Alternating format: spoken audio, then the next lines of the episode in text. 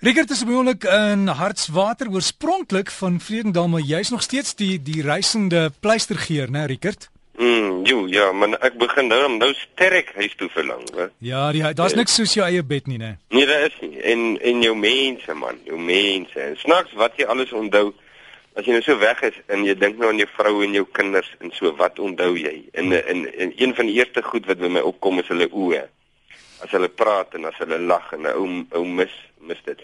Maar uh, ek wil net iets sê voor voor jy nou wegtrek, kan ek gou-gou? Ja. Uh ek was nou gister by die uh, tuis vir bejaardes hier in Hartswater huis Teresa en hulle het gesê ek moet asseblief vandag vir hulle op die lig op die wireless soos my ouma sê groete stuur. So dit doen ek dan nou plegtig. Ek sê vir huis Teresa groetnis. En dan as ek nou vanoggend by Hoërskool Hartswater se ontbyt, so mense wat dalk hier wil kom draai, dit begin so.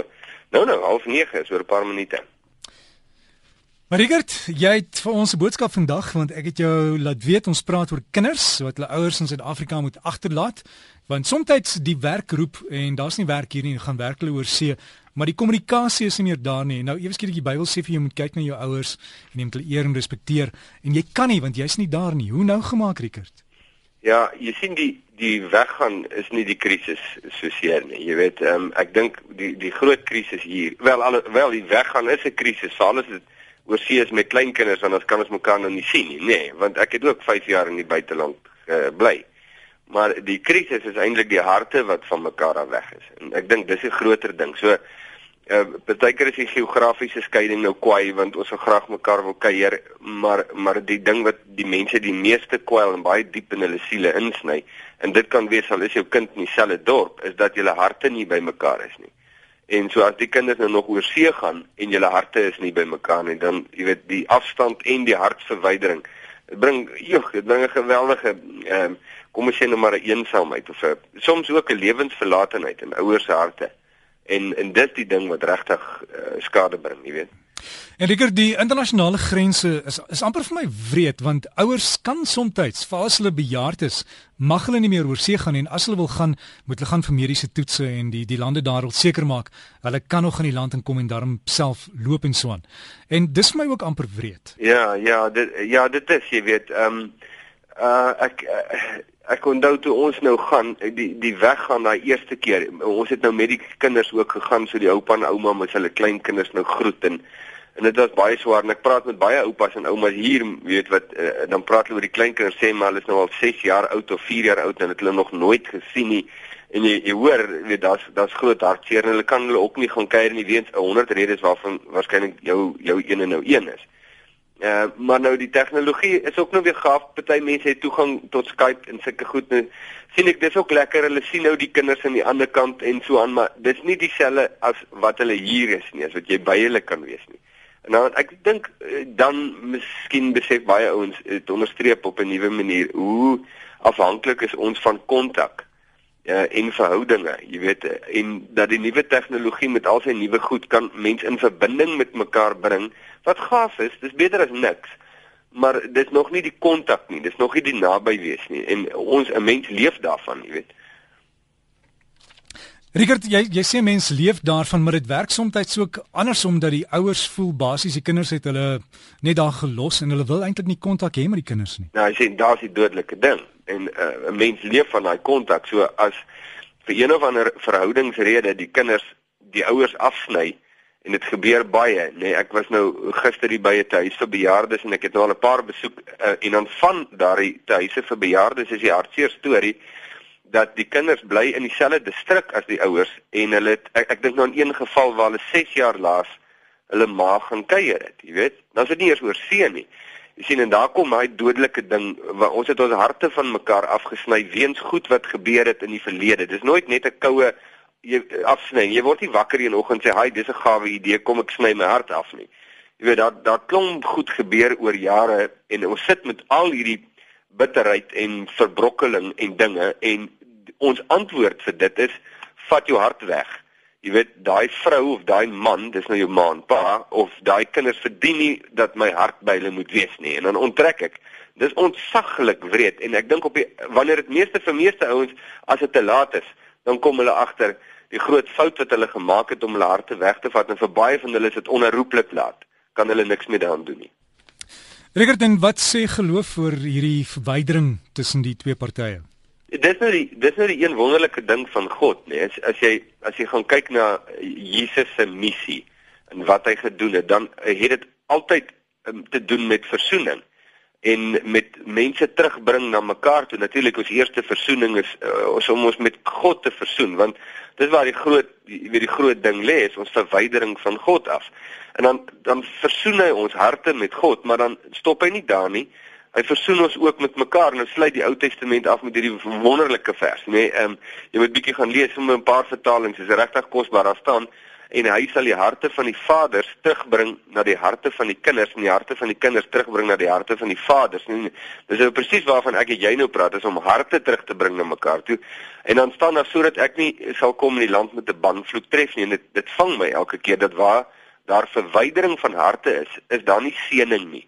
En mense weet dit, jy weet jy so jy kan geweldig um, wel afwees baie geld hê en eiendomme Uh, maar jou verhouding is is heeltemal jy weet uh, stikkend geslaan en die harte is verwy jy het jou kinders se harte verloor dan besef jy tot in jou kern hoe arm is jy en dat daar nie regtig seën in jou lewe is nie.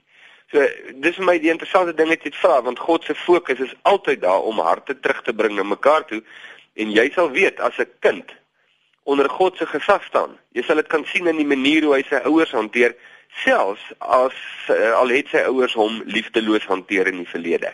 Daar's iets wat inkom in daai kind se lewe en sy gedrag wat radikaal anders is as wat jy normaalweg in die wêreld sien. Rigert ja, sê SMS wat deurkom mense sê hulle het kinders wat oral is, daar's iemand wat sê Katrein sê kinders in Peru en sy's in trane en hulle sien net nie meer hulle kinders nie en, en hoor baie min van hulle. Maar die ander vraag jy het, jy het nou genoem van Jesus. Ehm um, het Jesus kontak gehou met sy ouers?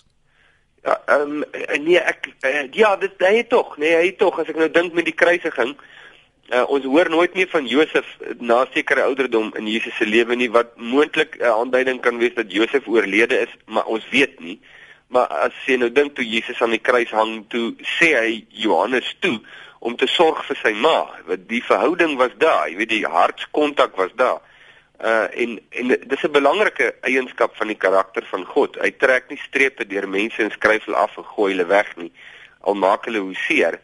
En uh en ek weet dat daar's ouers wat nou luister na die program en hulle is hartseer want hulle het hulle kinders baie lanklaas gesien, maar hulle weet hulle harte is bymekaar. So hulle is hartseer en hulle huil en dit jy weet hulle verlang hulle, daar maar hulle harte is bymekaar. Maar daar's ouers wat nou ook luister nie net weg is van hulle kinders nie en hartseer is daaroor nie, maar hulle weet in hulle harte hulle hulle harte verloor. Nou, jy weet jy gaan my nou nou vra vir 'n pleister, so ek ambush ambush jou nou. sê jy 'n pleister sou wees en dit is nie 'n goedkoop pleister nie. Jy weet dit is nie tralala nie en dit dit is ook nie net teorie nie en dit is dat God se spesialiteit, dis net vir hy ouers se onthaalde. God se spesialiteit is om harte weer by mekaar uit te bring. En en wanneer ons God God laat wees in ons lewens. En dis nie 'n kerkstorie, dis nou regtig die weg, die waarheid. Dan gebeur dit. Hoe gebeur dit? Ek weet nie, daar's nie 'n resepie nie. Maar God doen dit en daai genesing van verzoening uh kan 'n mens nie regtig beskryf nie. Dis ongelooflik diepgaande en groot, jy weet. Is dit jou pleister, Rickert? Ek dink daai daai is 'n goeie pleister want op 'n stadium dink 'n ou daar's geen salf in hierdie situasie te smeer nie, jy weet. En vir alle praktiese doeleindes is daar nie meer salf aan hierdie gebroke verhoudinge te smeer nie, maar ek het nou gesien uh, God het altyd die laaste sê. En uh, hy deel nie soos die jy weet die advertensie voor hierdie program sê, God deel nie net pleisters uit nie. Hy hy is die dokter van die siel en hy dokter harte en veral die seer kry wat kom deur verwyderende harte. Dis sy spesialiteit en uh, en dis regtig 'n voorreg om te beleef. So ja, ek dink daar's 'n wonderlike pleister. Maar ek het in die feit dat jy weet iemand dink aan jou en jy aan hulle, dit help ook. Ja, dit help verskriklik, nê. En dis hoe ons geskape is. Dit is dis ons make-up. Dis wat ons harte laat klop. So ja, dit is baie kosbaar. Dankie Rickert, uh, gaan jy weer vir ons 'n foto van hartswater op jou Facebook sit? Uh ja, ek dink nou net um, vir 'n mooi angle van hartswater, maar goed, ek gaan dit doen. Dankie. Mense mense kan jou gaan volg op Facebook baie. ja. Ja, hulle kan. Ek sal ek sal 'n foto opsit. Ek sal 'n foto opsit van die hoërskool waar ek is dink ek. Ehm um, die Facebook se naam is in Jesus se voetspore, so jy gaan op die blad en dan druk jy die like knoppie en dan sien jy deel daarvan. Rickert, lekker bly en groete vir Hartswater. Ja, dankie Derek, lekker naweek vir jou ook. Vir jou ook dankie Rickert Botha, ons leraar van Vredendal en daai Facebook bladsy is in Jesus se voetspore. Gaan soek maar net daarvoor, druk die like knoppie en dan kan jy ook daai foto sien. Maar Rickert skryf gereeld daarop en mense kommunikeer en is altyd lekker om te volg.